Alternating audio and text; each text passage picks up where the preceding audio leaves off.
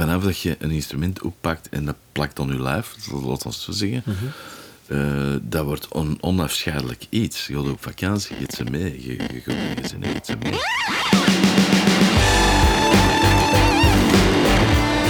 Welkom bij Guitar Noise. Vandaag spreek ik met Jo Kassiers, gitarist, producer en frontman van Bronski.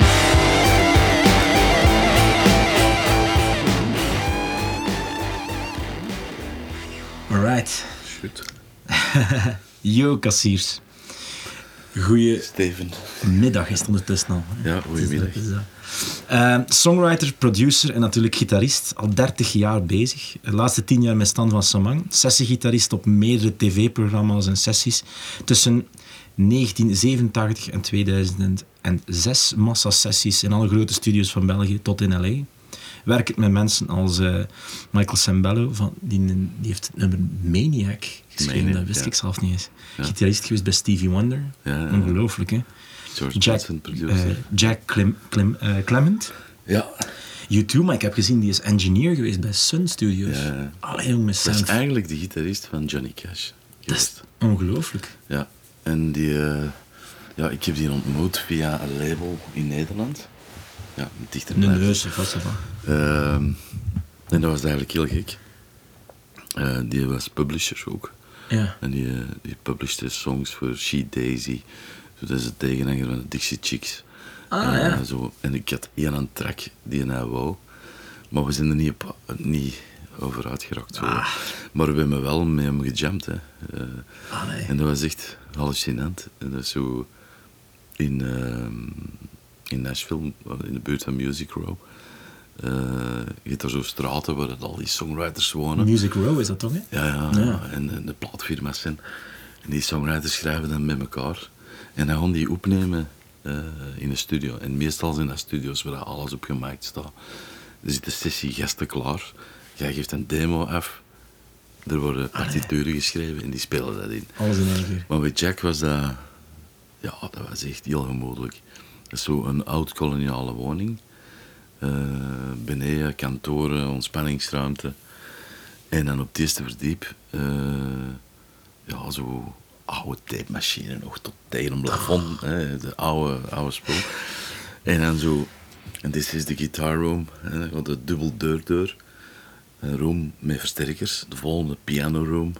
Weer zo'n dubbel deur. Dat is echt een max. Een En dan heb ik met hem... Ja, ja, ja. Echt. Dat is- het museum. Die gast ook. Die is een bureau vol met alle gitaartjes van... eh die je maar, waar, allee, waar je maar van kunt dromen. Want hij was gitarist ook, hè. Bij Johnny Cash. En producer ook. Van B.B. King en U2. When Love Comes ja. to Town. dat gedaan. Ja, ja, ja. En dat was heel tof. En ik was daar met mijn broer, want we hadden een plaat uit. Dus dat was in eh 97. Nee, eh, ja, 97.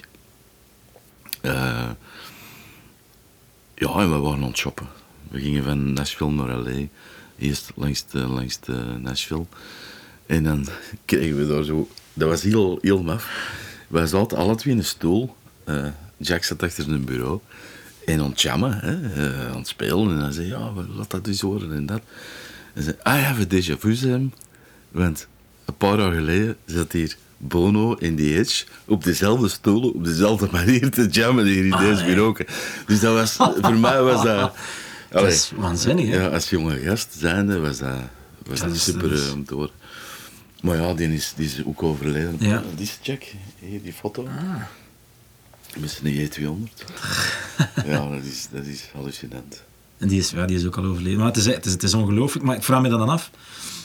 Dat, dat, zijn, dat zijn momenten uit je jeugd dat je dan echt meemaakt uiteindelijk ook en zo. Ehm, ik, ik, om te beginnen met het begin. eh, dat vind ik dan ook interessant. Wan- Wanneer was de eerste keer dat jij dan een, een gitaar hebt gezien of gehoord? Eh, dat was eigenlijk door een onkel van mij. Die, eh, het is eigenlijk begonnen vroeger. Hè. Eh, mijn grootmoeder was operazangeres. Eh, ja, Maria Govaerts, dat was een operazangeres. En die was gestopt met, met zingen, want die ging samen met haar man, Georges Cassiers, een beenhouwerij beginnen. Hè. Echt, eh, die is niet gestopt, ja. Uit liefde voor die man. En die hadden zeven kinderen. Ze hadden altijd een piano thuis. Dus op die piano was ik ook al bezig, zo met je vinger zo kinderen. Zo. Oh, dat klinkt gewoon, hè. Als klein dropje van zes, zeven jaar.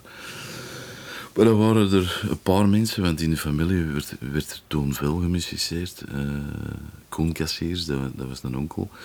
En die speelde zo allemaal van die Spaanse stukjes voor. En, uh, maar ja, ik mocht daar niet aankomen aan die gitaar.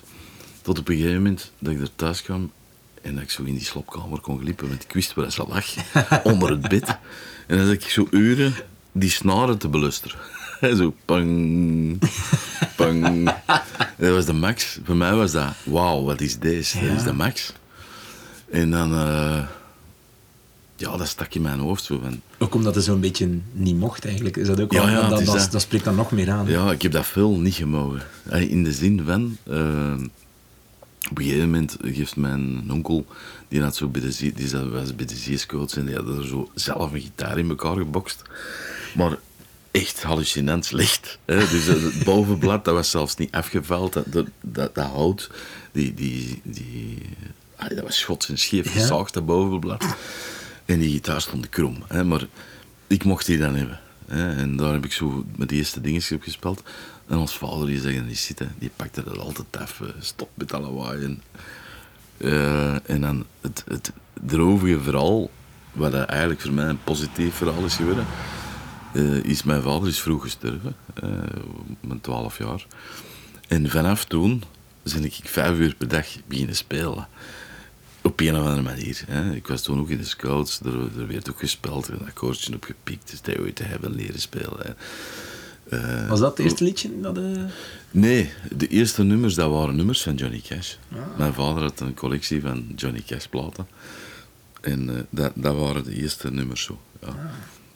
En dat is dan geëvolueerd naar ja, Neil Young. De Beatles vindt Neil Young nog altijd... Harvest is nog altijd de plaats voor elke singer-songwriter. Als je John Mayer hoort, hoorde Neil Young terug. Hè? In, in die... Born and Raised bijvoorbeeld. Ja. Dat is echt heel jong. De manier van snerkjes opnemen, die lapsteelgitaar. Dingen van Crosby, Stills. Ja, Die zetten er zelf op, hè, op ja. die plaat. Ja, absoluut. Dat is de max. Hè. Carry On, samen zijn fantastisch. Ja, ongelooflijk. Hè. Verschillende tunings ook. En dat is dan veranderd door uh, een vriend van mij. Dat was, uh, ik werkte zo af en toe mee in de tuin. Uh, met, een, met een kameraad van mij. En dat was een drummer. Maar ik had dat nooit gehoord. Allee. Die wist dat ik gitaar speelde en die zei, je moet absoluut iets meekomen jammen. Dat was toen een gast in Schoten. Uh, die had een groep Poltergeist. En dat was zoiets heel experimenteel à la ah, Orchestra. Ja, ja, dus John McLaughlin, daar was hij fan van. En dan heb ik dat voor de eerste keer gehoord, zo op een Les Paul, een zwarte Les Paul, speelde die echt fantastische dingen. En dan ben ik helemaal verkocht. Uh, dan moest ik dat hebben. Dan ben ik uh, elektrische gitaar beginnen spelen. Uh, en dan, de microop is echt overgeslagen toen ik voor de eerste keer de solo hoorde van Toto, Rosanna. Ja. Dat was voor mij zo van, die endsolo, dat was, vond ik de max. Ja. En dan is dat helemaal, dan is dat moeten beginnen bijbenen, want op een gegeven moment dacht ik van, ja, ik kon toch muziekschool doen twee jaar klassieke gitaar gevolgd. Dat, dat ging moeizaam, omdat dat mij niet interesseerde. Maar er was een super leraar, Jan Welles. En die gaf mij zo uh, Berkeley University naast de klassieke stukken. Om mij om je, om, te houden. Ja, ja, ja. En dat was ook straf. Op, op die twee jaar tijd hebben we een boeré van Bach leren spelen. Omdat, om de rest interesseerde me niet. Hè. Dus dan zeiden we van, ja, ik kon u een paar stukken geven die je kent. Hè? Uh, en dan heb ik me erin vastgebeten en dan ben ik er ook mee gestopt. Omdat die jazz en die rock mij meer interesseerden. Ja. En dat is eigenlijk het begin geweest. Ja, het is, het is wel straf, want als ik u hoor, als ik naar u luister, dat je speelt, snap ik heel goed dat je zegt van die solo van Rosanna. Ja. Dat zit wel in uw, in uw stijl echt, hè? Zo, ja, die, ik heb... Uh, die uh, ja. Ik heb er veel in geluisterd. Ja. Maar ook zo alle sessies en de leraars van Luke ja. Larry Carlton, uh, uh, Joe Diorio, waanzinnige jazzgitarist. Uh, dat ben ik dan allemaal beginnen opzoeken. Ik kom dan zo op, op al die LA-sessieplaten terecht van Christopher Cross, waar Jay Graydon op speelt. Waanzinnige gitarist. Buzzy Feiten. Michael, Michael Landau. Ja. Michael Sambello, Steve Lukather. Dan Huff ook. Dan Huff, ongelooflijk. Die plaat Giant ben ik heel hard Ja, ja, ja, dat is dat. Ja, fantastisch. Maar die deed ook sessies. Ja. En later, eh, toen ik wat ouder was, heb ik ook zo'n aantal producers leren kennen, waar hij Dan Huff voorspelde, waar hij Lukather voorspelde. Ja. Uh, en dan weer het echt helemaal interessant. En dan, op een gegeven moment moest ik ook uh, sessies doen met een Amerikaanse zanger is, Kanga Lavrado. En die, Kanga Lavrado. En die, die zong backings bij Chicoria en bij Al Jarreau. En uh, via de Paul Lambach uh, ja, werden we gevraagd voor, voor iets te doen. En dan speelden we 15 concerten met die vrouw. En dat was het ex-lief van Busfeiten. En die zei, als je naar L.A. komt, dan moet je echt uh, bellen. En zo ben ik in L.A. Uh, terechtgekomen, ook bij ASCAP even aangesloten geweest. Uh, via een vriendin van haar dan weer. Ehm, dat was Harriet Shock. Dat was een jurylid voor de Grammy Awards, maar die was ook voorzitter van ASCAP in L.A. En dan van tien, ja, dat is gewoon een max. Hè. Je komt zoveel mensen tegen. Ook wat, wat, wat, dingen kunnen plaatsen uh, in film dan. Ja. Via relaties daarvan. Ook bij Michael Sambello terechtgekomen. Ja. Uh, een Bossa Nova Hotel was dat. Dat was een studio in L.A., in de Valley. En dat was... En de eerste keer dat ik er kwam, want dat was eigenlijk ook wel uh, hallucinant, dat. Uh, die gasten was, ja, kom binnen, kom binnen, zit er neer. Japanners in de buurt, daar, die nog het een meeting mee voor een nieuwe plaat. Maar dan bleek dat de week ervoor daar een aardbeving was geweest. Dus je komt daar binnen in een situatie waar dat eigenlijk juist de boel een beetje opgekust is. Hè? Een, een, een, mens op straat, zijn buurman dood. Oh. Uh, hij was aan een filmproductie bezig. Um, en uh, van ja, Hollywood belden ze van... Hoe zit het met die tapes, jong? Die, die aardbeving was nog geen uur gebeurd. Zijn speakers waren uit een muur gevallen op een Euphonics disc. uh, allee, zo... Vinnie Colute, zijn drumstel stond daar nog. Uh, helemaal in frennen van die. Oh. Uh, dat was een hallucinant uh, gegeven eigenlijk. -huh. En daar heb ik zo een, een, beetje een band mee gehad. Ik ben er drie keer terug geweest. Maar dan is hij verhuisd naar, naar Miami. ja, dat zijn, dat zijn echt plezante dingen. Dat zijn echt plezante dingen.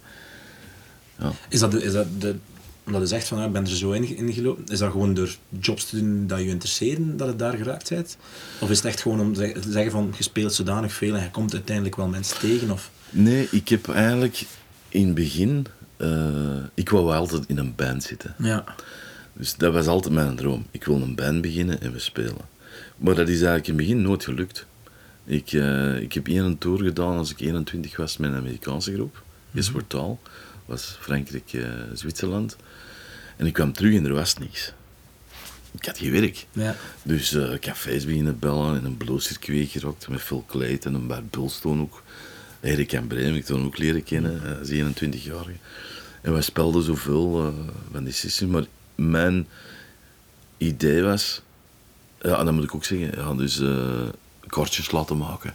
Ah, ja. en, en overal backstage gaan en, en kwam ik de Jean Bosco tegen en die zei, jij mag met mij spelen tof. En dat werd ik echt voor de leven gegooid. Dat was direct 6000 man, uh, studentenfeesten, festivalletjes, van alles. We speelden 240 keer op een jaar.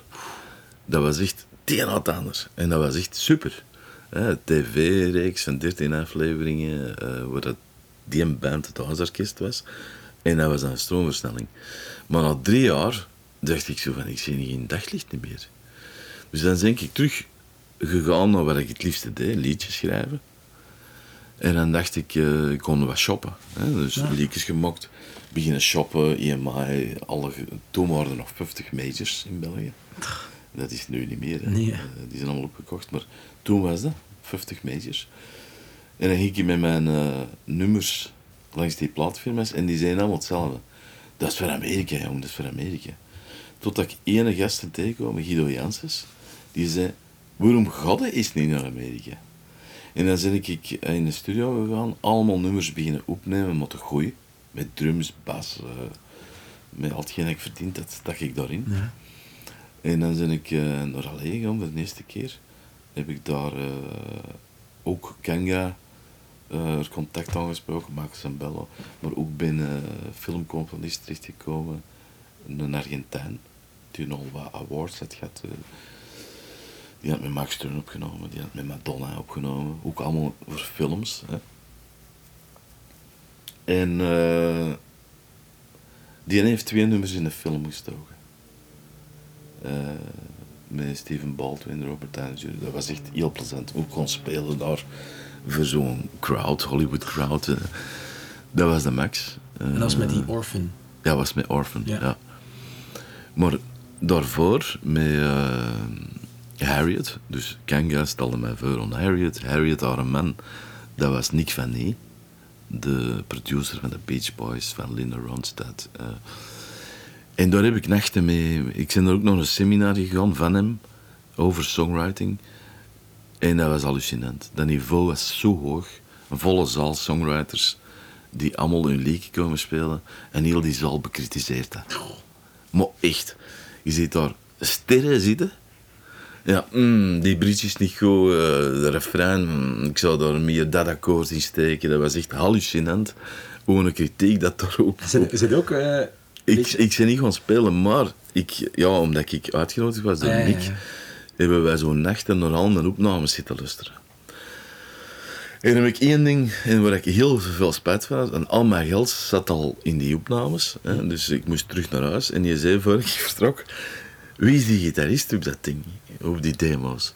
Ik zeg, ja, dat denk ik. Als ik dan moet jij bij Jackson Brown spelen. Oh. Dat is een vriend van mij. Ik kan je dat organiseren als je wilt. En dan heeft hij een auditie willen organiseren. Maar ik had geen geld om terug te gaan. Snap je? Dat zijn van die hallucinante dingen dat ik mijn eigen herinner. Dat ik, dat ik zeg van, ah, waarom heb je dat niet kunnen doen? Weet je? Bij ons thuis hadden ze ook geen geld. Allee, dat, dat was niet... Ja dat zijn gemiste kansen langs de ene kant, maar langs de andere kant heb ik er ook heel veel van geleerd. Ja, ja. ja ik, ik vraag me dat ook al. Je hebt ondertussen met heel veel mensen samengezeten, duidelijk, en, en die een serieuze voet hebben in de muziekgeschiedenis. Heb je het meeste geleerd door, door zelf alleen dingen op te zoeken en te luisteren en te oefenen? Of heb je het meest geleerd door eigenlijk samen te zitten met anderen, denk je? Ik heb het uh, meeste geleerd, ja, van die sessiealbums. Ja. Van zo een paar gitaristen eruit te kiezen en daar in het te luisteren. Vroeger was er geen YouTube, hè. Nee. Dus was altijd met een vinyl, hè. En, en als je die tegenhield om te horen wat ze speelden, veranderde je die pitch. Dus dan moet je echt zo... Uh, ja... Gaan denken, ja, wat toen tot dan ineens, hè. Dus zo heb ik heel veel geleerd. Uh, en dan uiteindelijk ook... De, ja, ik heb uh, wat dingen geleerd van uh, Marcel Bossu. Dat vond ik de max ook. Ik was uh, in het begin ja, in de twintig en ik kreeg les van een gast, ik heb daar een paar privélessen bij gevolgd, van iemand die in de tachtig was. En die, dat was een vriend van Toet Stillemans ook, Marcel Bossu. En die zijn vingers, dat, dat was echt misvormd van het spelen. En die deed niks anders dan lesgeven en spelen. En boeken schrijven ook, want als je naar muziektelers gaat, vinden er wel wat boeken van.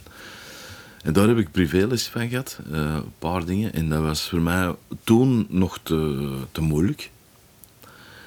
Maar ik ben zelf ook beginnen boekjes schrijven. Ja. En uh, daar heb ik heel veel van geleerd. En wat ik ook herinner van uh, oude gitaristen, die zeiden van, je moet maar een paar dingen hebben. Dat is oren natuurlijk, hè, een gevoel, maar toonlanders en tertsen tertsen, tertsen, intervallen. Intervallen en, en toonladders. Akkoorden ook, hè, maar... Uh, uh, en daar zeg ik beginnen mee bezig zijn, ja, beginnen onderzoeken hoe dat tertsen in muziek zitten. Oh ja. En dat is, echt, dat is echt, volgens mij, het, uh, het ei van Columbus. Als je dat beheerst, dan speel je alles. Omdat een akkoord wordt bepaald door het terts. En dan voor mij zijn er maar twee akkoorden, majeur en mineur. Al de rest zijn afgeleiden. Hè, Een dominant akkoord is een bemol 7. Een mineurakkoord heb je een mineur 7 bemol 5 of, of, of diminished akkoord. Maar er zijn eigenlijk maar twee akkoorden. Dus als je tertsen leert spelen in toonladders bijvoorbeeld, je speelt toonladders in tertsen, dan eh, heb je alles om, om eh, lieken te schrijven, om, om te soleren, om... eh, ja. Dat is eigenlijk het, het ding, ja. ja. Eh, het is duidelijk, dat, ey, d- d- voordat we begonnen waren, had er al iets van gezegd, maar de vraag was eigenlijk, ja, wat vond het leukste eigenlijk eh, om te, te, te, te leren om, om, om te oefenen op gitaar? Of is het, is het eindresultaat, is de bedoeling om iets te creëren, is dat belangrijker voor u? Maar ik denk dat ik het antwoord al weet. Is het makkelijker om iets te creëren? Is, is een gitaar iets voor te creëren eerder? Of is het iets... ja. Ja, Ik, eh, ik begin altijd uit een, een gevoel. ja, Ik kan gewoon met twee akkoorden beginnen. Dan kunnen er ook heel veel worden akkoorden, maar een gevoel. Ik ben grote fan van zowel van eh, mentale gitaristen, George Benson, mentale gitarist, ja. maar heel veel gevoel ook. eh, Brent Mason, mentale gitarist. leg dat een keer uit, de, de mentale gitarist, wat is het verschil dan voor u? Een mentale gitarist, dat zijn mensen die wiskundig denken. Ja. Die, die naar techniek gaan, naar, naar, eh, naar harmonie, melodie leren gaan. Ehm, George Benson is er zeker een van. eh Brent Mason ook. Lucater is daar beperkt in. Ik heb ooit met hem gejamd. En, en je kon er niet meer mee.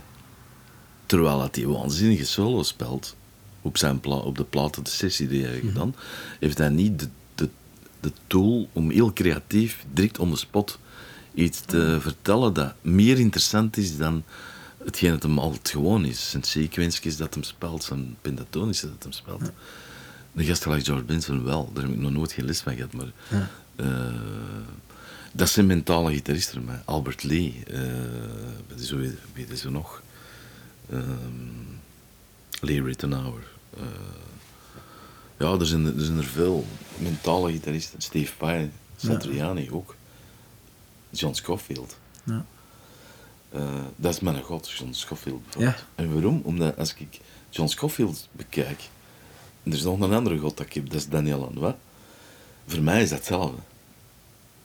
Dat is- ja. Daniel Lanois en Scofield is voor mij hetzelfde. Ja? Het oergevoel van, ik zit hier in de sfeer neer en, en eh, ik kan ze biedt wel even laten horen waarom dat ik dat vind. Ah ja. Eh,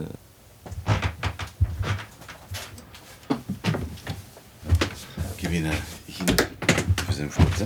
Ik heb hier eh, geen, geen plekdrukvast of zo. Ik kan het gewoon even met mijn vingers doen. Oké. Als je... Ik, eh, bij mij zijn dat zo van die... Het zijn hele dikke, maar ik weet niet eens meer zeggen. Nee, ça va. Nee, als je, als je Lanois, je kunt van Daniel Lanois filmpjes vinden, Ja. dat hij eh, ook van voor in de twintig is, dat hij zo ont, ont eh, is. Hè. Is het echt? Die gast kan shredden. Hè. Maar Ik dacht dat dat echt zo'n intuïtieve... Ja, dat is ook.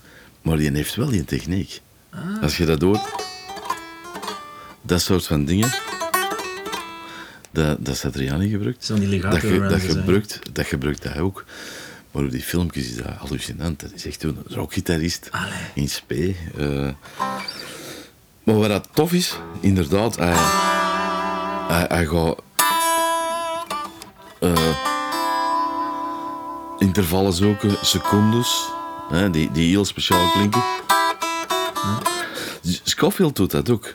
Natuurlijk, die heeft bij Miles Davis gespeeld, dus dikwijls, ik heb hem ook ontmoet, eh, John Scofield. En ik zei tegen hem, ja, jij, klinkt gelijk een trompetist. Hè? Eh, dus...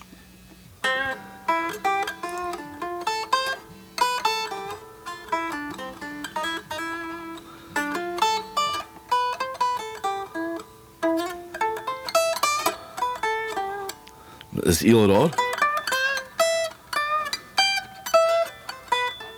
Zie je wat ik bedoel? Ja, ja. Dat, dat is zo... Die, die gast zijn tertsen af.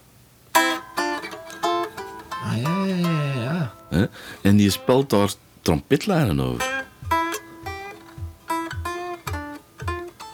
Ja. En dan gaat hij verder.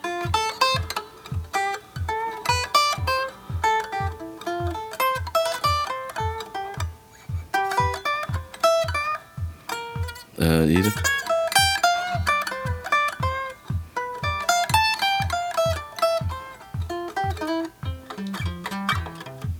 Je? Super. Ik speel naar iets Schofield-achtig, denk ik. Hè? Ja. Maar Lanois heeft dat even goed. Als je die dingen hoort spelen op zijn eigen platen, je, je hoort die Franse roots in van New Orleans zo. Ja. En tijdens dat hem zo de, de had, Kingsway Road, eh de huis had, dan eh, speelde hij ook zo'n dingen. Op een andere manier, hè? Ja, ja, ja. Maar voor mij zijn dat twee dezelfde dingen. Ja. Dat komt van dezelfde wereld zo. Eh, terwijl het helemaal anders klinkt. Eh, Ja, ja, ja. Soms met delays en wat weet ik allemaal, gelijk YouTube. Hij is ook een van de mannen die, die dat heeft gefine-tuned. Die was er al wel mee bezig, maar Ja. hij heeft die, die inspiratie ervoor uh, Die sfeer, gedreven. ja, super. Ja. Ik heb, ik heb een vraagje nog. Nu zo iets technischer. Puur aan de gitaar zelf eigenlijk. Wat is uw favoriete deel op de gitaar eigenlijk? Dat hangt natuurlijk af van welke gitaar dat ik kies, dat weet ik. Maar heb je gelijk een, whammy bar? Of is dat een, speel jij veel met je volumeknop? Is dat een toonknop? Is er een stuk aan de gitaar dat je heel veel naartoe grijpt? Of iets dat je, dat je altijd aanspreekt? Ja, dat, dat is de volumeknop, denk ik. Ja? Ja. Als ik, eh, ik speel het liefst op een Les Paul. Ja. Ik heb zo'n eh, een hele oude 1967 Les Paul. Eh, we zijn even oud. dat is echt plezant. Maar ja, volume op een gitaar. Dat zijn zo de knoppen waar de meeste vanaf blijven. Maar een Les Paul is er perfect voor. hè. Een Teleed is dat één volumeknop. Maar Les Paul heeft er twee volumeknoppen staan. En dan kunnen switchen tussen twee pick-ups. De meester daarin is eh, Jimmy Page. Ja. Die gebruikt zijn volumeknoppen echt om zijn sound te maken tussen twee klanken. Dus ik zeg maar iets, het achterste element zit niet helemaal open. Met, met zijn versterker ook goed open. En dan eh, het voorste element zit je bijna dicht. Eh, en dan kun je gewoon van een clean klank naar een distortion klank Ja. gaan door die switch te maken van je, van uw pick-up, van uw eh, drieweg eh, Ja. eh. Ja, ja, ja. En dat is eigenlijk hetgeen dat ik het liefst doe, ja. Het is een heel, heel breed ja, aan tonaal kwaliteit Ja. door die volumeknop. Ja. Dat is ongelooflijk. Een toonknop ook, hè. Ja. Je kunt je drastisch veranderen met een toonknop. Jeff Beck doet dat ook, hè. Dat is zo... Ja, ja, ja. Ja, dat, is, dat, dat is voor mij zo... Ja, denk ik, hetgeen waar ik het meeste in pak. Ik vind een tremolo en dat is ook allemaal heel tof. En, en, eh, en dit bijvoorbeeld vind ik ook heel tof, die combinatie in Duisenberger. P90 mee van Met een voor, met een humbucker. en- Maar die Les Paul dat ik heb, er zitten pick-ups in. Dat is een 67 Les Paul, maar er zitten pick-ups in van een 63 ES. Is dat uw, fa- uw favoriete gitaar dat je hebt? Ja. In Les Paul? Ja, ja, ja, dat is En wat zit er erin van pickups? eh PAFs van een, PAFs, van, ja. van, van een, eh, een 63 eh, ES. 335. eh. Ah, oké. Ja. Dus dat zijn niet de originele die erin zitten? nee, nee. En ik, ik ken de eerste eigen zelfs. dat is zo'n gitaar die ik gevolgd heb. Eh, ik- ook een pot gedaan in een winkeltje in Antwerpen. En dat was dan weg tegen dat ik terug was met mijn centen. Allee. En dan eh, wist ik ook wie dat gekocht had. En die dan ineens te koop in een andere winkel. En ze belden mij. Zeg, hier hangt dit. En dat was die gitaar. dus ik heb die echt gevolgd. Zo, eh. ja, dat is de max. Dat is een achtervolging, gewoon. Ja. Super. Ja, en dat is zoiets wat ik altijd bij heb. Dat, dat klinkt onwaarschijnlijk. De- die pick-ups, dat, dat is zo ja, oxidatie op. Hè. En, en die sound, ja, je, voelt, je hoort dat het een oude gitaar is. Ik heb er zo nog een paar hè, die, die ik heel graag vind. Een, een 65 Strat, een, een eh, L-series nog, een 68er Tele, ook waanzinnig. Maar ik pak toch altijd nog die Les Paul. Ja. Heeft die, heeft die, heeft die, die, die, is dan niet zoveel output waarschijnlijk? Omdat dat de Welk? die ES-pickups zijn, die Les Paul. Jawel, toch wel. Toch wel, ja. Ja. Ja. Redelijk heet toch zo. Redelijk heet qua klanken. zo. Ja, ja, ja. Ja, dat is heel, Sorry, dat is heel warm, hè, een sound. Dat kunnen we niks vergelijken. Die oude gitaar, dat kunnen we niks vergelijken. Nee, nee, het is, het is iets... Ja. Dat heeft geleefd, hè. Ja. Je hoort het, hè. Ja, ja. Ja. Heb je op dit moment een favoriete amp dat je speelt? Ik zie hier wel wat toffe dingen staan, alleszins, maar... Eh, ik heb, ik- dat is absoluut mijn favoriet, die onderste daar. Die onderste, ja? Ja. Omdat die, eh, dat is al een oude JCM 800, Ja. Marshall. Eh, dat is heel simpel. Nee. Toon en volume. En eh, die bias staat heel hoog. Ja. De andere staat een, bia, eh, een bias eh, laag van.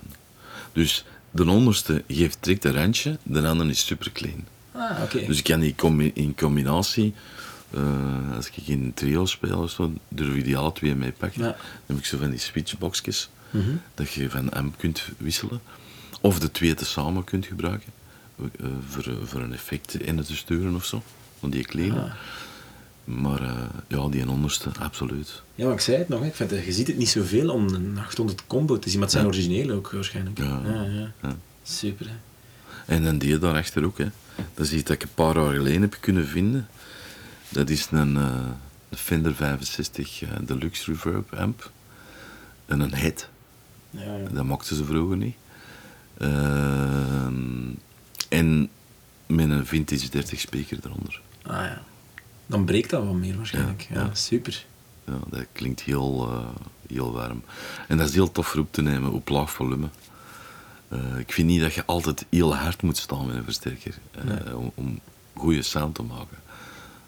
Dikwijls is het echt op laag volume. Zet je het volume op, op een breekpunt of, of zoekt jij daarnaar? Want sommigen Ja. doen dat, hè. ja, Ja. er, er zit een korreltje, hè. Ja. En, en waar dat de korrel te veel wordt, daar zak ik terug naar beneden. ja, dan is het zo net iets Ja. terug altijd draaien. Ja, Want de pedalen eh, geven natuurlijk ook nog wel iets, hè. Eh, tenzij dat je zonder pedalen opneemt. Ja. Heb je, heb je, eh, we, gaan, we gaan het proberen beperken. Heb je twee pedalen waar je op dit moment heel hard fan van bent? Wat ik kan zeggen, die misschien op je pedalboard nu liggen, of, of dat je zegt van dat, die vind ik echt twee super. Ja, ik heb er, heb er twee inderdaad. Eh, de dingen, de Soul Fruit. Dat is, dat is een geweldig pedaal. Dat kunnen we voor alles gebruiken. Ik, De ik Soul- haal- De Soul Food, is dat, is dat van Electro Harmonics? Ja. Ja. Dus deze, deze bakje hier. Dat is echt eh, een waanzinnig kastje. Ah. Ja, in combinatie met die Z-effect eh, distortion. Ah ja. die twee tezamen. Hier kun je clean, je kunt daar direct country mee spelen, eh, chicken picking toestanden mee doen. Je kunt daar soul mee spelen. Dat- dat- die gitaar die krijgt zo een ander karakter. Maar wat tof is, is dat die een drive knop hier, dat die instant reageert op. allee, ja. Dat, dat is heel maf, dat moet je maar eens testen. Dat is Ah, echt eh, de moeite. En deze vind ik ook ongelooflijke pedalen. Eh, Die Strymons. Strymon, ja. Eh, reverbs, delays. eh vind ik echt de max. Je bent heel open. Dat is ook iets van de laatste jaren zo.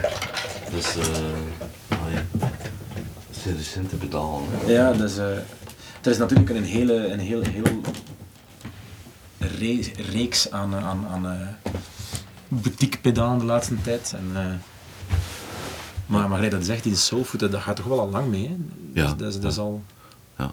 En geeft dat, heeft dat klaarheid of geeft dat zo'n beetje een push? Of, of wat doet dat precies? Ah, wel, afhankelijk van hoe je het afstelt. Hè. Ah, maar je, je hebt daar heel veel sounds in zitten. Eh, als je bijvoorbeeld een funky slagje doet, Ja. wordt dat zo een klein beetje ronder. En compress dat Eh, zo wel een beetje? Of?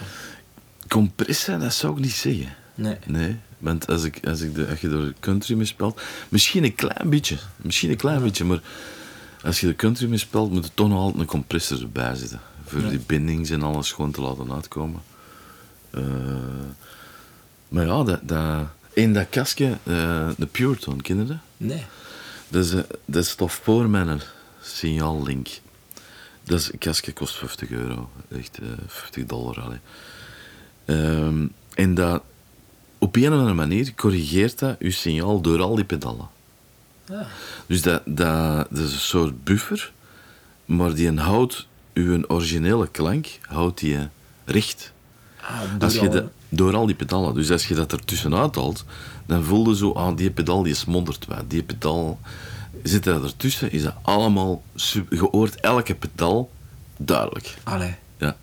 Moet het maar eens testen. Ik zag die, die, die testen ervan op, eh, op het internet. Ah, super. We Ja, zullen sowieso zo, ook... dat eh, kan niet, deze. We zullen Maar- in de, in de omschrijving ook sowieso een, eh, een, eh, een linkje zetten met, eh met filmpje waar je het over hebt. Ja, ja. Dat is, de, dat is dat Ah, ik oké. een gaan checken. Dan. Ja, Ja, ja. super. Ja. Eh, je hebt al... eh, ik, ik vroeg mij ook nog af... We hebben het al over een paar van uw favoriete gitaristen gehad en, en, en, en eh, manier van spelen. Wat is uw favoriete opgenomen gitaarklank? Eh, of partij zelf misschien van een nummer, dat, van uzelf dat al opgenomen hebt en van iemand anders? God, dat is een heel moeilijke vraag. Ja. Maar ja, dat, Dat wisselt waarschijnlijk, maar... eh, Eh, Zo, ik eens zoiets, dat je iets, iets dat je opzet en dat je denkt van oh, dan moet ik toch keer een keer terugspoelen omdat, omdat ik het zo schoon vind als je het, als je het gehoord hebt. Van sound of van spelen. Van sound of van spelen, dat kan... Dat Ja. kan Ik ben heel trots op een nummer dat op die instrumentale cd staat. Dat is mijn Mhm. eerste instrumentale album. Ja. Er staat een nummer op dat heet... ehm oh man. Dat ik de titel niet meer vind, zeg. Ik is een blackout. Eh, ik zal tussen beet weten zeggen. ja, super. Eh, maar dat is... Er is een videoclip van eh, ook. Ah, dat is de Ah, videoclip. Ro- op. Roxy. ah, we zullen die ook sowieso in de omschrijving Ja. zetten. Roxy, dat is zo... Ja, dat is deels op een Les Paul gespeeld en deels op een Ibanez T5 gespeeld. Ah, ja. Eh, maar dat is zo iets waar ik toen heel content van was. Van de partij, van het thema zo. Eh, dat is echt volledig instrumentaal. Maar dat blijft wel boeien. Ik heb dat live ook al een paar keer gespeeld en, en mensen komen dat ook zeggen. Zo van, ik ken dat, dat je kunt blijven boeien met instrumentale muziek. Omdat het thematisch goed zit. Allee, zo. Maar dat is niet... Allee, dat is niet meer hetgeen dat ik vandaag doe. Nee. Allee, ik, eh, ik ben er heel trots op. En dat was in een kader van demonstraties voor, eh voor bospedalen ook. Ja. Allee, voor een bosversterker, Roland versterker, digitaal versterker. Ehm, maar ja, vind Maar wel, maar wel nog altijd even, even, even trots op. Dus dat is wel belangrijk Ja, dat, het, dat, het blijft. Dat het blijft eh, Ja, ik ben er Super. trots op. Ja. Maar goh, wat vind ik tof? van iemand anders. Ja, iemand anders. En dat, dat is een heel moeilijke vraag. ja. Want, ik zeg het, we hebben het er juist over gehad. Ik ben zowel fan van mentale gitaristen, Ja. als van gitaristen die een vibe neerzetten. Als het over een vibe gaat, dan ongetwijfeld... Er is een versie van Daniel Lanois die de maker speelt met eh, Brian Blade op drums. Ehm, een compleet andere versie dan, dan op, op zijn plaat staat. En dat is fantastische sound. Dat is een beetje een iets met delay op. Hij heeft dat ook in zijn gitaar ingebouwd. Zo. eh. En is, die, is die opgenomen live of zoiets? dat is een live opname op, op YouTube, YouTube die je kunt Ah. vinden. Fantastisch. Eh, Ongelooflijk nummer ook, hè? ja, ja, ja, ja. Ik heb er zelf ook een versie van opgenomen. Ah. Eh, allee, die, die, die moet nog uitkomen, want ik heb ondertussen zoveel geschreven de laatste jaren. Ik had 60 nummers waar ik van dacht, hier moet ik echt, iets mee doen. Ik heb die ook al wat geshopt aan mensen, maar ofwel of deden artiesten het niet, ofwel waren het artiesten waar ik van dacht, nee, je kreeg het niet. Ja, zo. Eh, want ik vind, ik vind, een song moet zijn kans krijgen. Hè. Maar nu heb ik uit die 60 nummers, eh, een twintigtal nummers geselecteerd. Dan ben ik zelf beginnen opnemen. Ah. Zelf beginnen zingen ook. En ik heb eh, sinds twee weken eh, een deal. Allee, proficiat, zalig. ja, ja. Het, is, het is nog te nieuw om te zeggen met wie, maar het is een major. En, en, en er zit een tof management bij ook. Ah, super. Dus we zullen zien wat er gebeurt. Ik ben op dat vlak heel nuchter. Ah, ja. Ik heb wel heel veel meegemaakt. Tuurlijk, ja, ja. Eh, maar ik ben er heel blij mee, want die plaat geeft mij een warm hart. En de Ja, plaat is ook af, eigenlijk. Bijna af. Ik Ah. ben er aan bezig. Morgen gaan we nog drums opnemen op vier of vijf nummers. Ja. En dan wil ik daarna nog wat toetsen en wat backings. En dan kan ik beginnen mixen. Maar dus de eerste single is al gemixt. Ja. Ah. Ja. Heb je een idee wanneer dat het eh, te beluisteren valt? Eh, in oktober zal er iets released worden. Een eerste single. Eh, en dan zullen we zien. We zijn nog een beetje strategisch aan het denken wat we gaan doen. Het liefst van alles dat ik elke maand een single gereleased. Ja. De komende drie jaar. nee, nee. In principe zou dat kunnen. Ja, Allee. natuurlijk. dat is een beetje gelijk... Eh, Gabriel Rios heeft, dat- heeft, heeft, heeft dat gedaan met zijn laatste plaat, denk ik. Ah ja. Dat hij een heel jaar... En dan Ja. uiteindelijk, na een jaar, was zijn plaat uit. Ja. Ja.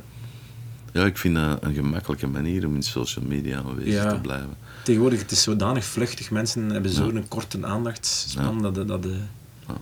moeilijk nog naar tien nummers achter elkaar willen of kunnen luisteren. Hè. Ja, het is dat. Het is niet zo gemakkelijk. Ja, ja, ja. Hoe heeft ehm, de gitaar eigenlijk impact gehad op je sociaal leven? Zou jij als mens zou je anders uitgedraaid zijn, denk je, zonder die gitaar? Qua persoon? Ehm God, dat weet ik niet. Eh, ik, ik heb zo... Ja, dat heeft al wel een tol geëist. Ja. Maar, eh, en ik heb er ook al veel over gefilosofeerd met mensen en ook zelf. eh, dat is een heel moeilijke vraag, Steven. Ik weet het, ja. Want, het is wel heel interessant. zal Ik, zeg, zeggen, ik vind veel ik heel ben beginnen spelen als het mocht, hè, van ons vader. Ja, ja, ja. was er niet meer. Hè. Ja. En dan heb ik er echt van geprofiteerd. En dan ben ik vijf uur per dag beginnen spelen. Dus dat wil zeggen, je, voor, zeker voor het studeergedeelte, Ja. isoleerde gewoon. Ja. Van, van vrienden, van...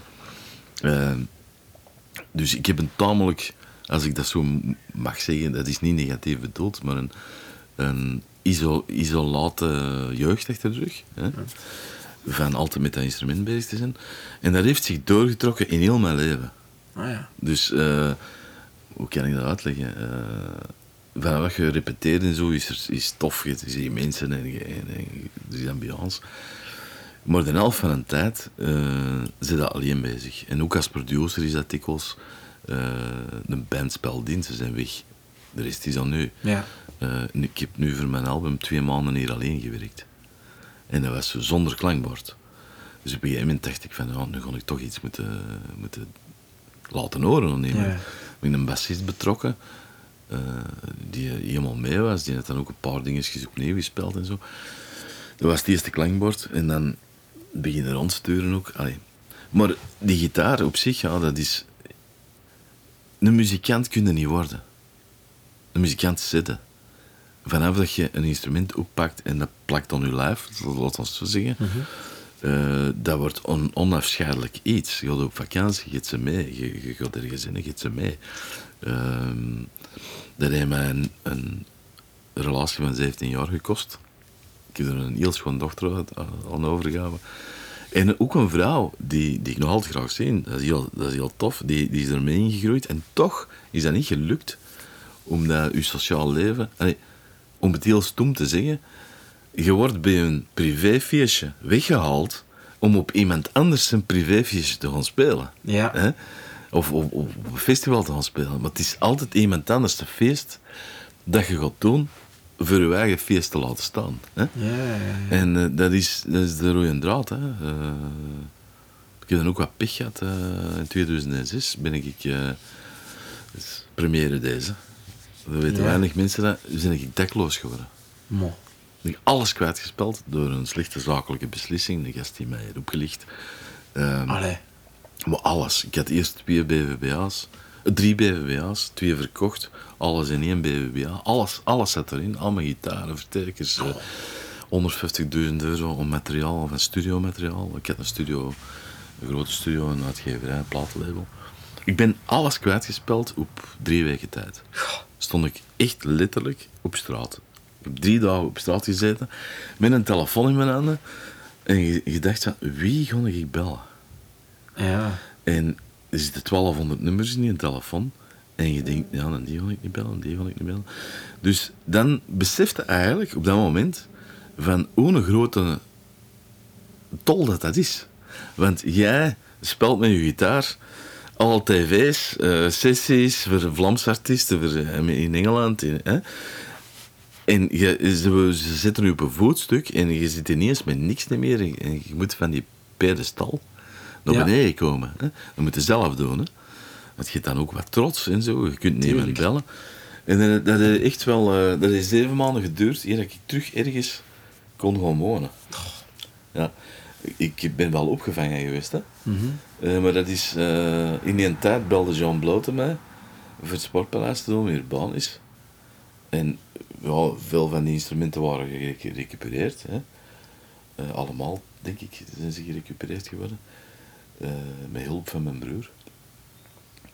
En dan vroeg de Jean, en er stond bij mijn zuster in een garage, bij ons moeder in een garage, weet je, allemaal verspreid zo. En dan zei de Jean, ja, eh, we repeteerden een week in, de Lotto Arena voor dan in het Sportpaleis te spelen. Jo, kun je morgen een banjo meebrengen? En die gaan nog een mandoline ook. En, oh ja, oké, te voet naar het Sportpaleis. Hè.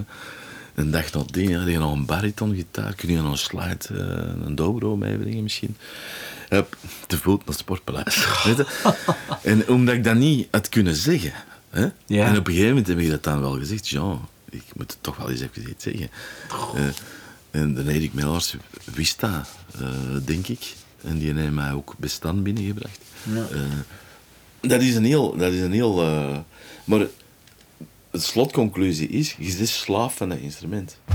Zelfs in die shitperiode, hè, van het terug opbouwen. eh, ik, ik heb dan wel... Ik ben heel veel bezig met kwantumfysica. Ja? Ik geloof, wat dat, als je iets denkt en je, dat voelt goed, dat dat naar u komt. Ah, ja. Dat is mijn filosofie. En ik, ik heb dat leren kennen in die periode. En ik zweer erbij. Al hetgeen dat je wilt in je leven, trekt zelf aan. Maar ook de slechte dingen. Hè? Want als je slecht in een vel zit, dan trekt je dat ook aan. dat ook aan. Ik heb dat met spelen ook. Als je denkt van, dat zou ik willen kunnen, eh, dan trekt je dat aan. Je pakt actie, je begint te spelen, je begint uit te zoeken wat dat moet. En je kunt dat spelen. Weet je? Ja. Maar de slotconclusie blijft dat je slaaf bent van, van een instrument. Het is wel Echt slaaf zijn hard, gebeten. eh, daardoor, Ja. ja. dat plakt. Gelijk dat, dat in het begin eigenlijk ook zei, dat plakt aan nu. Ja, Ja. dat plakt dan nu. Het is niet dat je dat kunt kiezen. Ik heb dat soms overwogen. Hè, van ik stop hiermee. Allee, wat is deze hier? Ik heb alles door kwijtgespeld. Omdat ik zo gezegd... eh, ja, een, een, er was een zakelijke partner die mijn studio aandelen wou overkopen. En die heeft mij echt geflikt tot en met. Hè, ehm, door facturen in mijn boekhouding. Een heel verhaal. Eh, en ik heb dat ook niet kunnen bewijzen. Eh, jij, jij, zit, er- jij is de zaakvoerder, jij is de schuldige. Hè? Dus eh, je moet daar verboten. Ja. Zo simpel is dat. En dat heeft zelf geduurd, maar terug die secret. Hè. Je pakt dan terug een gitaar eh, en je schrijft de leken en je, en je gaat op het internet. Je schrijft met mensen over de wereld, over het internet. Ja, ja, ja. Omdat ik hier niet meer durf, durf mensen aanspreken. Ik voelde me zo, zo klein eigenlijk. Maar dan, ja, dan scoorde ineens de nummer 1 niet in Dat is Amerika. ongelooflijk, Ja, ja. ook dat verhaal. Dat is, dat is ook ongelooflijk, dat verhaal dan eigenlijk. Ja. Als je dan zo... Ja. En dat, dat blijft ook gelijk, dat is echt je visie. Je, je, je pakt je gitaar weer vast en je denkt positief vooruit. Hè. Ja, ja. En dan trekt het aan. Hè. Ja. Ja, ik geloof dat ook zeer hard in. Ja, ja. Ja, super. ja, dat is gewoon iets dat... Je kunt er niet tegenhouden. Alleen veel mensen weten dat niet. Nee. Of denken, wat is dat voor een kwets. Maar, eh, maar het is gewoon zo. Wanneer je slecht voelt, komt er van alles slecht naar u. Wanneer je goed voelt, eh, komen de goede dingen naar u. Ja. En daarmee dat ik heel nuchter ben. Ik kan een artiest die in de studio zegt, ik, ja, deze ken ik niet. Dan gaan we ervoor zorgen dat hij dat wel kan. Ja. Snap je? Ik, ik geloof in grenzen verleggen, in eh, positiviteit, in... eh, ja, als er iets fout is. Ik heb hier projecten gedaan ook waar ik... is een autistisch meisje, een gehandicapt autistisch meisje binnengekomen. Mollig, enzovoort.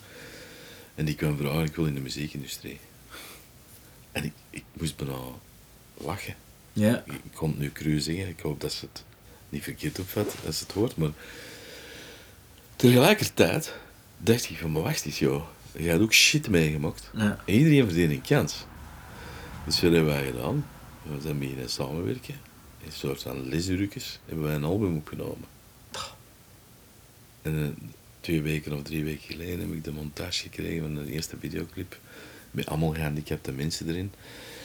Eigenlijk is dat voor mij een goede daad geweest, dat punt. Hè? Maar ik voel me daar keigoed bij, omdat iets wat al onmogelijk was, is gelukt. Hoe simpel en kinderlijk dat het ook is, is dat gelukt. En ik vind dat een voorbeeld voor veel artiesten die zeggen, oh, ik weet niet wat moet. Ja, maar toch op een of andere manier, zij staat er toch bij. Zij staat er, ze wordt vier keer per week gedraaid op Radio Antigoon. Eh, misschien dat dat nog wel naar Radio 2 kan ook. Eh, Ja. Want er is nog wel een promotor in geïnteresseerd. Maar zij heeft haar doel al bereikt.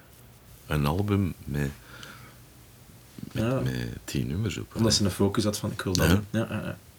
En voor zo'n persoon is dat nog moeilijker dan, ja. dan voor... eh ja, positiviteit. Super schoon, super schoon. Ehm, ik zou dan juist nog willen afsluiten. De, het heet natuurlijk Guitar Noise, de podcast waar we Mhm. mee bezig zijn. En eh, ik vraag me af, wat is uw favoriete geluid dat je uit een gitaar kunt halen? Wat is, wat is het favoriete? Is dat een slide? Is dat een band? Is dat een bepaald akkoord? Is dat, wat is eh, uw favoriete geluid dat uit de gitaar haalt? Dat is echt zo moeilijk. Moeilijke vraag. Dat is een heel moeilijke vraag. Eh, ik, ik denk niet dat ik een voorkeur heb voor geluid. Nee? Nee, ik, ik denk dat ik hier een voorkeur heb voor... Allee, een, een, je bedoelt een sound eh, of een effect, of eh, dat bedoelde Of, waarschijnlijk. of een bepaald akkoord dat je een bepaald gevoel geeft. Sommige Ja, mensen dus- is dat gewoon een, een la-akkoord, rock and roll, ACDC-style. Ja, een sus 2 of zo. Dat is iets dat, dat mij altijd... eh, Kunt je spelen? Ja.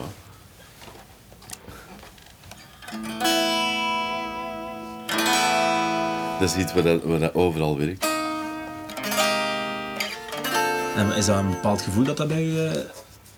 eh, Ja, dat is thuiskomen, hè. Dat is thuiskomen. Dat is thuiskomen.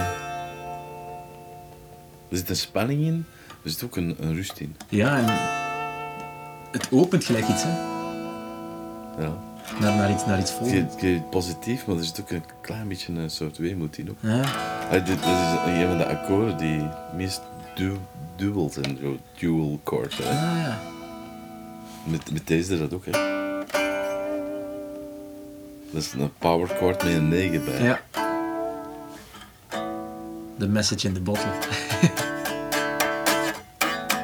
ja. En die sus 2 zit ook een 9 in, hè. En dat is dan de, de kleinere versie ervan. Dus ik denk, als je... De klank van een 9. Dat Ja. staat bij jou. Ja. Ja. Alright. Jo, ongelooflijk bedankt voor het super gesprek. Eh, ik heb er al eens super veel aan gehad al. Ja. Ik hoop Ja, de is luisteraars ook. Eh, Ik denk dat wel. Ja. Heel interessant. Merci. Alright. Wat een machtig gesprek met Jo Kassiers. Ja, ik zou normaal nu van jullie afscheid nemen, maar Jo had nog een paar coole anekdotes uit de studio toen de micro's nog aanstonden. En die wil ik jullie niet onthouden. Bij deze een klein biesnummer van Jo Kassiers. En dat is ook zo, eh, Met dingen geweest ook, hè. Chris Kimsey van de Rolling Stones, bijvoorbeeld. kijk, je had het toen op met mama. het gesprek, het Ja, laten gaan. het was echt uit de stof. Dat is ook zo iets waar dat, is een vaderfiguur. Hè. Dat is echt een vaderfiguur.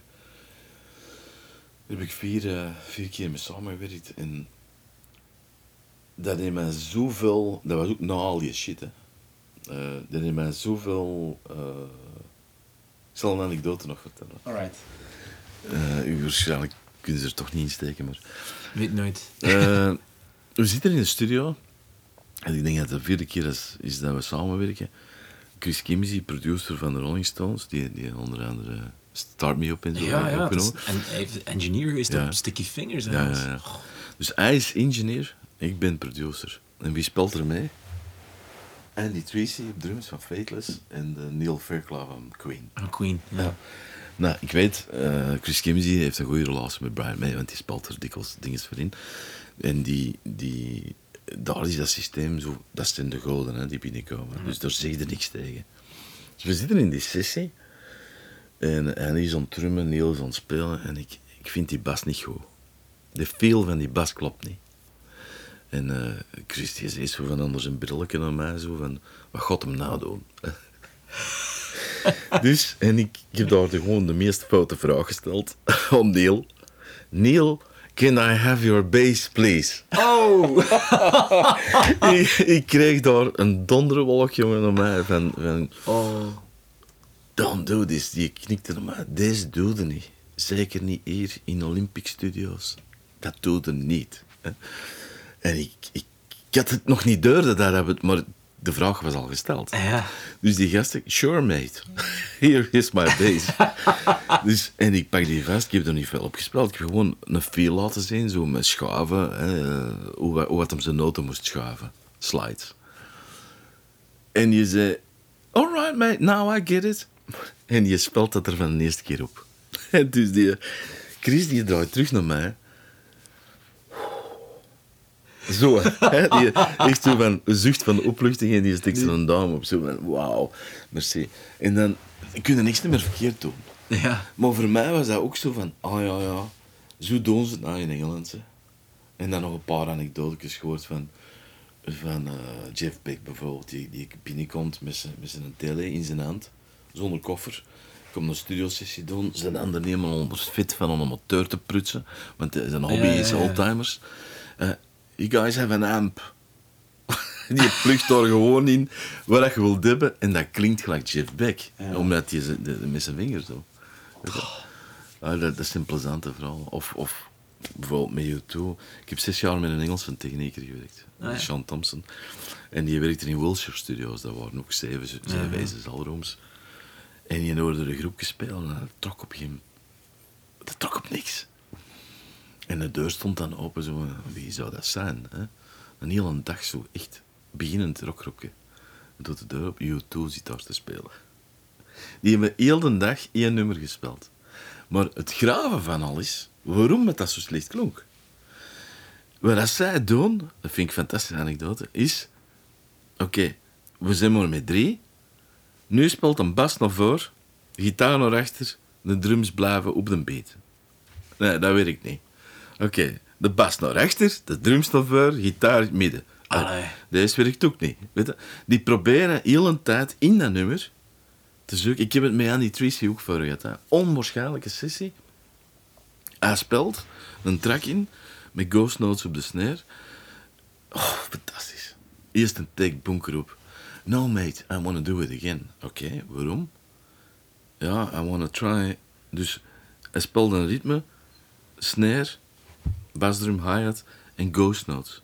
Hij zegt, oké, de volgende take, gewoon een hi-hat op de tel leggen, de ghost notes laid back, en de snare hit terug naar voren.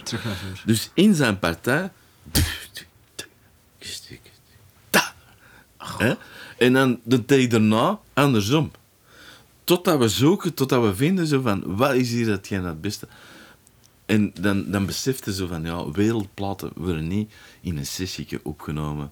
Op niet 1, 2, 3. 150 nummers op drie dagen, eh, like bij Nee. The Voice. Eh, nee, nee. Je kunt de beste muzikanten hier pakken en er zijn er ongetwijfeld heel goeie. Hè? Ja, Herman Cambrai, weet ik veel van allemaal. Maar daar zijn ze hier nog niet mee bezig. En dat doen ze daar wel. En dat vind ik de max. Echt ontleden, hè. Ja, dat is echt zoeken. Wat is in die tel? Een tel is 127 puntjes. Hè? Ja. Je kunt er voor en erachter gaan zover als dat je kunt. Ja.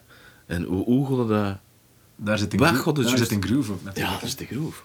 Dus die gaan zodanig in detail op zo'n dingen. Die zijn ook met niks anders bezig. Hè? Ik heb ooit met Phil Gold opgenomen, van Level 42, de drummer. En die, eh, die kwam om mij vragen, Joe, eh, want dat was bij hem thuis, eh, in zijn keuken. Nee, nee, nee. eh, Is dat keuken? ja, ja. We moesten een sessie doen met de gitarist van Lou Reed, Gary Barnacle erbij. Eh, een waanzinnige eh, bezetting was dat. Die kwam aan mij vragen welke micro zou ik in het beste voor mijn drumcel zetten. Als ik zelf iets opneem. Die wist dat niet. Die nemen de grootste techniekers gewerkt. En dat is altijd hetzelfde verhaal. Hè. Level 42, als die hot waren, die kwamen binnen, alles stond opgesteld, spelen, hup, weg voor een interview of, of op tour vertrekken terug. Dus die hadden geen tijd om zelf... Een... Alleen Charlie Watts, want dat vertelde Chris Kimsey ook. Dat ze zaten in Hansa Studios in, in Duitsland. En hij had... Chris, die, die is een freak op het stemmen van drums. Ah, ja. Als dat niet juist zit, wordt hij ongelukkig. Dus die had aan, aan Charlie Watts een drumstel een kwinkslag gegeven de snare. En die, die komt binnen, s'nachts. Je gaat achter zijn drumstel zitten. Maar zo, een komma, hè. On the tuning. Die slaagt op zijn snare. Who, who touched my drum kit? It's detuned. Allee, ik bedoel, dat mag dan misschien de meest hè, Ja, ja. eh houterige drummer ter wereld zijn. Maar die gast weet verdomme goed wat hem doet. Ja, Ja, dat, vond ik, dat vind ik zo... Vooral was in de max. geniaal, hè. Ja. Ja, ook weten dat, dat daar een, een Steve Jordan dan percussie komen spelen is op platen van de Stones. Ja, ja, ja. En dan ze vroegen van aan hem, speelde jij een keer daar een partijken? En hij zo, nee, nee, nee, nee. Ja. Nee, nee, nee. Ja, Hij speelt drums bij de Stones, niet één keer zo. ja, Ah, dat is straf, hè. dat is tof. hè. Nog altijd, nog altijd heel hard fan zijn ook. Zo, ja. Ja, ja, super. ja, dat is de max. Ja, ah, je kunt nog veel vertellen. hè. ja, maar je mag. Ik heb, ik heb zo met, met, ook, ook door Chris, hè. Ik kom in, in Olympic Studios binnen, vrijdagavond moest de grief zitten. Dat is ondertussen dicht, hè.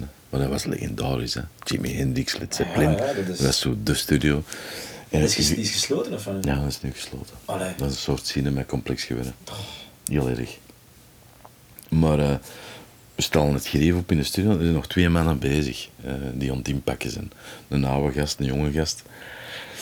En eh ah, nice to meet you, bla bla bla. Let's go for dinner. Aan de overkant van de straat van Olympic is zo'n eh, een toffe zaak waar je zo'n hamburger kunt eten. Allee. En je zit zo al een uur om tafel met die mensen. Dat is kei gezellig over, de- over het leven. Ja, ja, ja. En dan komt de vraag zo. Hey Joe, what do you do? en gelukkig was Chris Kimsey zijn vrouw daar om te zeggen van... Ja, he's a producer uh, from Belgium. Oh, great man. Ja, dus ik moet de vraag terugstellen. What do you do? Hè? En de gast die even mij zit, dat al een uur, een, een uur aan tijd samen. Morgan Nichols. Dat is een toetsenist van Muse. En daarnaast Billy Nichols, dat is zijn vader. Dat is de MD van de Ho. Wat? Ja. Dus om, om maar te zeggen zo hoe raar het leven is. Hè. Je, je zit daar gewoon te- over een puffstick bezig en over kookprogramma's van Jamie eh, Oliver. Oliver, hè. ja, ja, ja. En dan na een uur beseft je eigenlijk met wie dat je aan tafel zit. maar dat, dat schept een band. Hè. Dat is echt, eh, die mensen kunnen bellen. Hè. Omdat jij niet degene was die er zat van... eh, Ja. ja. Met Gary heb ik hetzelfde meegemaakt. Hè. Ik kwam in die zijn keuken binnen. Eh, ik had met hem gespeeld in, eh, in Nederland. Was ik MD van de groep. De Were Blazers ingevlogen van Engeland. Eh, achteraf bleek dat dat de blazers van Jamiroquai waren. Ja, ja. En die- die saxofonist nodigde mij uit bij hem. En in zijn keuken. eh hij had ook sessies komen doen in de Galaxy Studios ook. Dus hij wist wat ik, wat ik kon, wat ik deed. En dus die vroeg zijn mening over tapes dat hij aan het maken was. Can you check this out? En dat was echt niet zo goed. Veel compressie, slechte reverbs. En ik zei dan, oh ja, yeah, you're right. Hè. Je kunt deze ook eens horen. hè. En dan zei hij van, kom gewoon eens naar boven naar de studio. Ik iets klaarstaan op de tafel, misschien kun jij eens... Ja. En ik kwam die studio binnen en dat is behangen. Langs alle muren, behangen met gouden platen. En ik begin zo te lezen, Gary Barnacle, Gary Barnacle Björk, eh, Simply Red, Earth and eh, Paul McCartney, Elvis Costello. En, en dat gostte me voort en ik denk, wat heb ik daar allemaal zitten zeggen? hè? en eh, uiteindelijk heb ik aan die tafel aan het prutsen geweest en daar heb ik dan die job met die gitarist van Lou Reed uitgekregen. Dat is, dat is zo... Ja, soms is het beter dat je het niet weet. Dat je gewoon, gewoon op uw ding je eigen ding kunt zeggen of doen. En dat is het beste. Voilà, dat is zeker waar en nu is het ook echt gedaan. Eh, check zeker de omschrijving voor Spotify-lijstjes en YouTube-links. Eh, en vergeet zeker niet het eh, nieuwe project van Jo te checken en dat heet Bronski. Tot de volgende keer!